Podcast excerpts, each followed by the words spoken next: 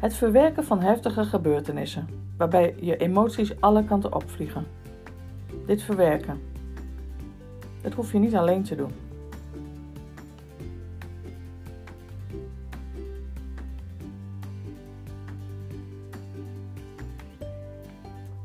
Het verwerken van heftige gebeurtenissen, waarbij je emoties alle kanten opvliegen. Herken je dit? Goedemorgen allemaal. Dankjewel dat je luistert naar de dagelijkse podcast van Atelier Het Baken. Mijn naam is Tini Lubberink. Creativiteit en creatieve middelen erbij inzetten om heftige situaties te kunnen trotseren. Een storm van emoties en verwarring die zijn weerga niet kent, maar waarbij stilstaan geen optie is. Je moet door. Een aantal jaren geleden heb ik een blog geschreven, Naar het Licht. Dit blog is autobiografisch en het gaat over mijn eerste zoon. Het laat zien hoe je, een, hoe je door een verdrietig en zeer heftig proces toch staande blijft. In het licht.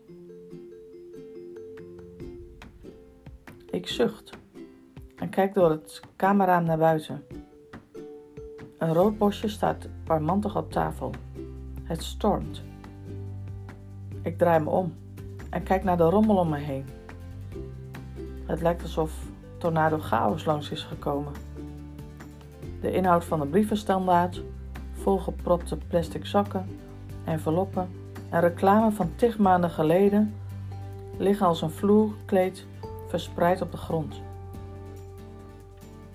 Mijn hoofd voelt zwaar en het lijkt alsof er watten in zitten.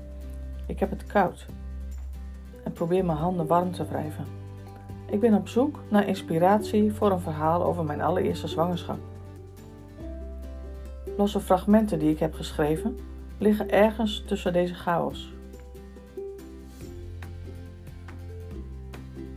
Het is half augustus 1997.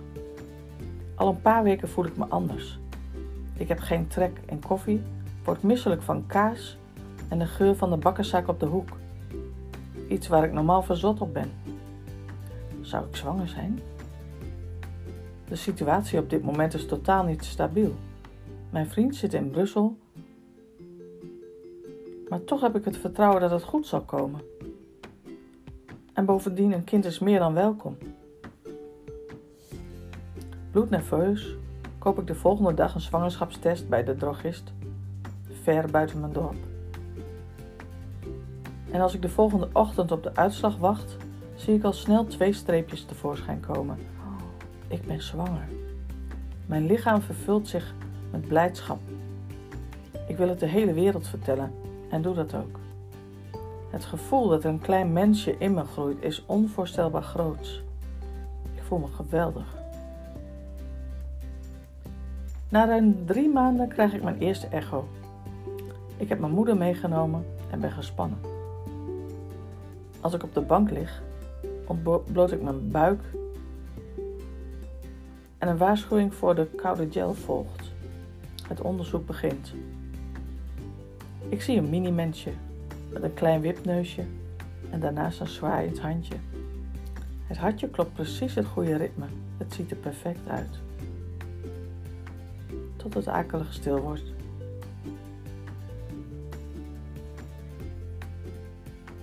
Zou er iets mis zijn? Gynaecoloog komt erbij en ik ben bang.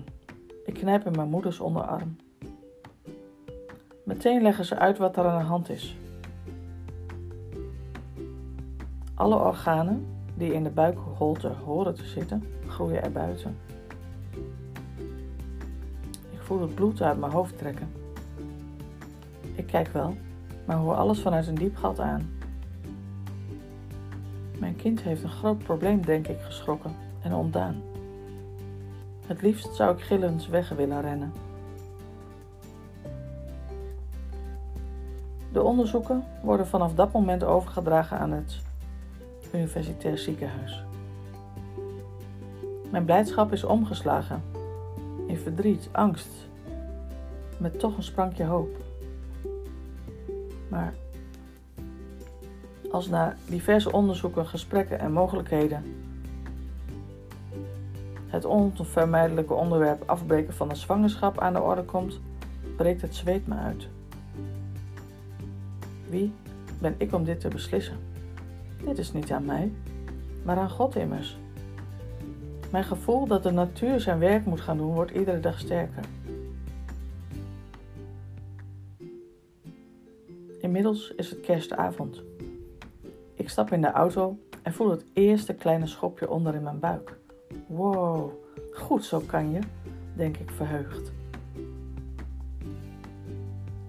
Als ik op 5 januari weer een echo krijg, bekruipt me een onbestemd gevoel. Ik weet nog niet hoe ik dit moet plaatsen. En niet veel later blijkt mijn zoon als een klein hoopje verscholen in het holletje van mijn baarmoeder te liggen. Hij heeft het niet gered. Dan is kerstavond zijn laatste groet geweest, concludeer ik, terwijl de tranen over mijn wangen biggelen.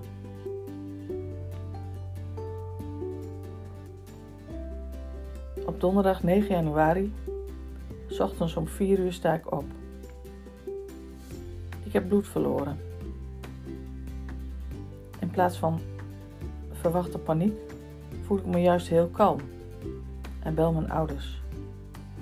Ik vouw de was op en leeg de prullenbak terwijl ik wacht.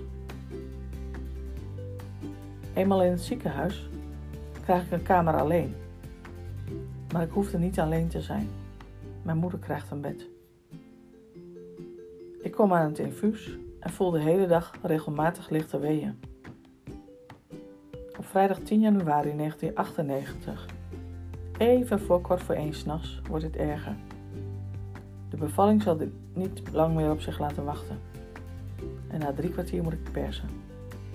Dit is niet tegen te houden en met een plof vloekt mijn zoon Noah het bed in. Ik ben moeder geworden. Ik ben in tranen. Mijn moeder ook. De verpleegkundige neemt mijn zoon mee. De intense vreugde van het begin is veranderd in verdriet. Noah wordt opgebaard, in mooie witte doeken. Ik vind het moeilijk om naar hem te kijken, maar ik doe het toch. Hij is mooi, klein en teer, met alles erop en eraan. Van zijn voet en hand worden afdrukjes gemaakt en ze maken foto's. Mijn buik is leeg. Ik word de volgende dag met de tas op de schoot en zittend in een rolstoel door mijn vader naar de uitgang van het ziekenhuis geduwd. Naar huis. Een periode van intense rouw is aangebroken. Een flinke tijd later besluit ik om erover te schrijven, zoals ik tijdens de zwangerschap al deed. Ik sprak erover met mensen en heb een map gemaakt met alle papieren erin. Een collage van alle kaarten die ik heb gekregen en een foto van Noah. Uiteindelijk is er rust en licht in de duisternis gekomen. Ik heb het verwerkt door de gesprekken, door te schrijven, door de teksten uit de Bijbel en de tijd die dit nodig heeft. Licht, zoals het er altijd was, maar dat ik een tijdje niet zag. Licht van hoop dankbaarheid en berusting. Noah is op de beste plek waar hij kan zijn. Hij heeft ongetwijfeld geen pijn en zal volmaakt zijn. En ondanks dat het zo verdrietig was en is, ben ik dankbaar met deze eerste zwangerschap en ervaring. Ooit zien we elkaar op de plek waar het altijd licht is, bij onze vader. Ik realiseer me dat dit een heftig verhaal is en wellicht herkenbaar. De tijd heelt wonden, maar vergeten doe ik het nooit. Mocht je je ervaring willen delen, je kunt me via mijn website bereiken. www.atelierhetbaken.nl slash contact God zegen voor jou en je geliefden. Tot morgen.